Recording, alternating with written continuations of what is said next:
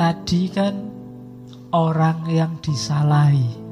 Sekarang kita bahas orang yang bersalah. Jangan keliru, orang yang bersalah juga butuh memaafkan dirinya sendiri. Kalau tidak, sama kayak orang yang tidak memaafkan, dia juga tidak akan bisa move on. Orang yang selalu merasa bersalah itu juga tidak bisa apa-apa. Dia tersiksa, terpenjara oleh kesalahannya. Di titik tertentu dia harus memaafkan dirinya sendiri. Cuma memaafkan ini ada prosesnya itu ada empat proses itu responsibility, remorse, restoration dan renewal. Lakukan empat ini maka kita bisa memaafkan diri kita sendiri. Kadang-kadang kan kita memang khilaf. Kok gitu ya tadi aku ngomongnya? Nah itu kan menyesal. Kok begini ya situasinya? Kok aku tadi melakukan itulah harusnya nggak saya lakukan kok tak lakukan? Nah itu kita kan menyesal tuh diinget-inget terus sampai nggak bisa tidur itu kan juga susah. Kadang yang bersalah itu double gelisahnya dibandingkan yang disalahi. Orang yang bohong itu gelisahnya dua kali lipat orang yang dibohongi. Kalau nggak percaya kamu coba. Coba bohong. Itu mesti gelisah. Maka lakukan empat hal ini untuk memaafkan diri sendiri. Yang pertama apa? Responsibility. Tanggung jawab. Akui kalau salah dan siap tanggung jawab segala kerugian akibat kesalahan ini saya siap menanggungnya. Kalau ada kerugian materi saya ganti kalau punya. Ya, kalau punya, kalau nggak punya diganti pakai apa? Ya, kalau resikonya harus polisi ya monggo dipolisikan. Saya siap tanggung jawab. Itu lebih kondusif untuk hidup yang lebih ringan diakui dan siap tanggung jawab. Oh iya pak, saya yang nyontek tadi. Kalau saya nggak lulus mata kuliah ini nggak apa-apa pak. Lebih ringan kan hidupmu daripada Enggak pak saya nggak nyontek Kebetulan aja ada kertas buka kok ada materinya Iya kalau kamu Kan semakin berat itu kan kamu di luar Wah iya ya tadi bohong sama dosennya ngapain gitu aja. Wong nyontek nggak nyontek paling nilainya segitu-gitu aja. Maka responsibility tanggung jawab. Nanti bikin kamu ringan. Kalau sudah mengakui dan siap tanggung jawab, remorse. Remorse itu menyesal. Dalah aku tidak akan ngulang lagi, kapok aku. Itu menyesal. Kalau siap tanggung jawab, tapi kok tidak menyesal, itu alamat diulang lagi harus ada menyesalnya. Saya tidak akan ngulang lagi pak, saya menyesal, itu remorse. Kalau sudah remorse, nyesel tau tadi, baru restoration. Restorasi itu memperbaiki yang keliru. Kalau ada hak yang harus dikembalikan, dikembalikan. Dirinya sendiri, mentalnya yang rusak, dipulihkan dinasehati, diputihkan lagi, diingat-ingat bahwa tidak usah melakukan kayak gitu lagi, dibersihkan batinnya, dikembalikan semua hak yang berkaitan itu namanya restoration. Siap untuk mengembalikan, siap untuk memperbaiki segala yang rusak, lahir maupun batin. Baru setelah responsible, setelah remorse, setelah restoration, kita bisa renewal. Lahir kembali sebagai orang yang baru, yang bersih, yang siap maju lagi, yang siap berkembang lagi, renewal, pembaruan.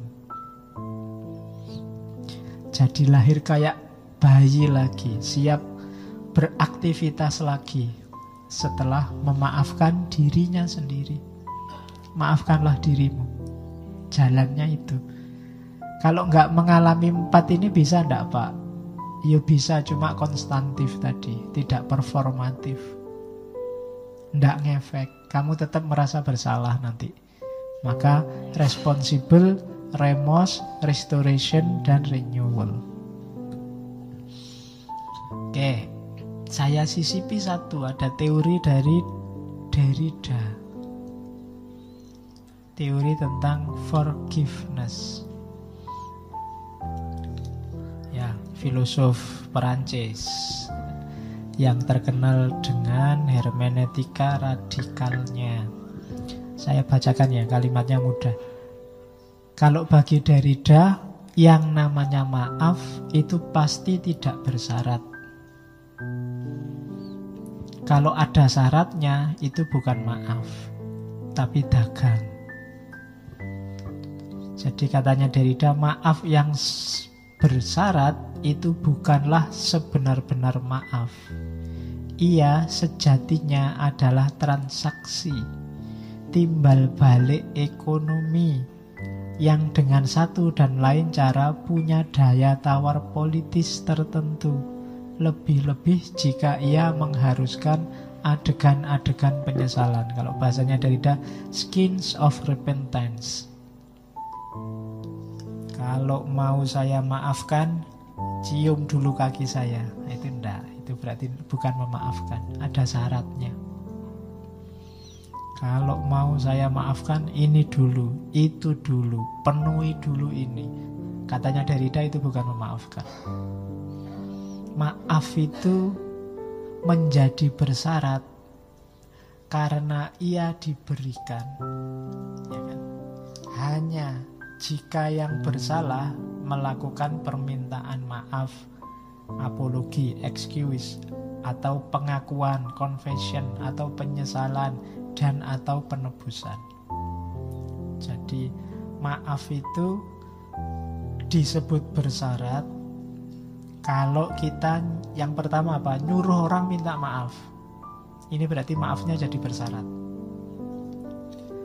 Harus dimuat di harian nasional lima hari berturut-turut satu halaman penuh itu bersyarat berarti orangnya tidak niat memaafkan ya saya maafkan asal proses hukum jalan terus dan dia dihukum sebanyak-banyaknya seberat-beratnya itu namanya bukan memaafkan juga bersyarat atau pengakuan dia harus ngaku kalau salah itu berarti bukan maaf menuntut penyesalan dan menuntut penebusan itu juga bukan maaf. Bayar dulu utangmu baru saya maafkan. Nah, itu berarti bukan maaf beneran. Oke. Terus katanya Derrida lagi, maaf yang murni adalah maaf yang diberikan secara unconditional. Di sini maaf merengkuh asosiasi maknanya yang tak bisa dipisahkan. Indissociable yaitu memberi forgive bukan meminta atau menuntut kenapa sih istilahnya memberi maaf ya kalau bahasa Inggris kan forgive for itu kan untuk memberi forgive give. Itu memberi. Jadi maaf itu memberi. Tidak ada hubungannya dengan yang meminta maaf. Kalau kita memberi setelah diminta apalagi ada syarat-syaratnya itu sebenarnya bukan memberi tapi jual beli. Saya maafkan kalau sudah dimuat di koran nasional satu halaman penuh itu kan jual beli kesalahannya dia harus ditukar dengan dimuat di koran itu bukan pemaafan kalau pemaafan itu ya tidak ada hubungannya dengan permintaan tidak ada hubungannya dengan tuntutan kasih aja maaf orang yang bersalah padamu. Di situ nilai forgive-nya, nilai memberinya kelihatan. Kalau nunggu diminta, apalagi nunggu dibalas ya, berarti bukan maaf itu sebenarnya. Ya nyari impas saja. Nyari pembalasan dari kesalahan, bukan pemaafan. Karena maaf itu hanya memberi, maka katanya Derrida,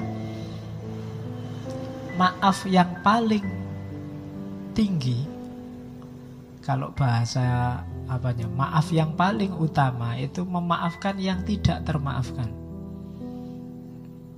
susah ya kalimatnya. Itu yang kalau di filsafat namanya afuria. Afuria itu ada paradok kebingungan, tapi memang benarnya di situ katanya Derrida. Jadi memaafkan hanya yang tak termaafkan bahasanya Derrida itu. Kalau saya maafkan hanya yang bisa dimaafkan saja itu biasa. Anak kecil juga bisa, tapi yang tidak termaafkan itu berat. Yang paling butuh dimaafkan kan yang tak termaafkan ini. Salahmu padaku sudah tidak bisa dimaafkan lagi. Justru katanya Derrida, yang tidak bisa dimaafkan itu loh. Kalau dimaafkan itulah namanya forgiveness terlalu besar, terlalu sakit hati ini oleh perbuatanmu misalnya. Itu kan tak termaafkan. Di situlah nilai utamanya memaafkan. Kalau kita memaafkan milih-milih, ya yang bisa dimaafkan saya maafkan Pak, yang enggak ya enggak. Nah, itu belum utama. Belum forgiveness yang sejati. Forgiveness yang sejati itu ya memaafkan semuanya. Khususnya yang tak termaafkan.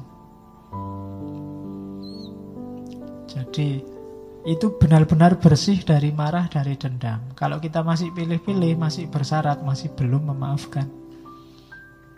Ayo.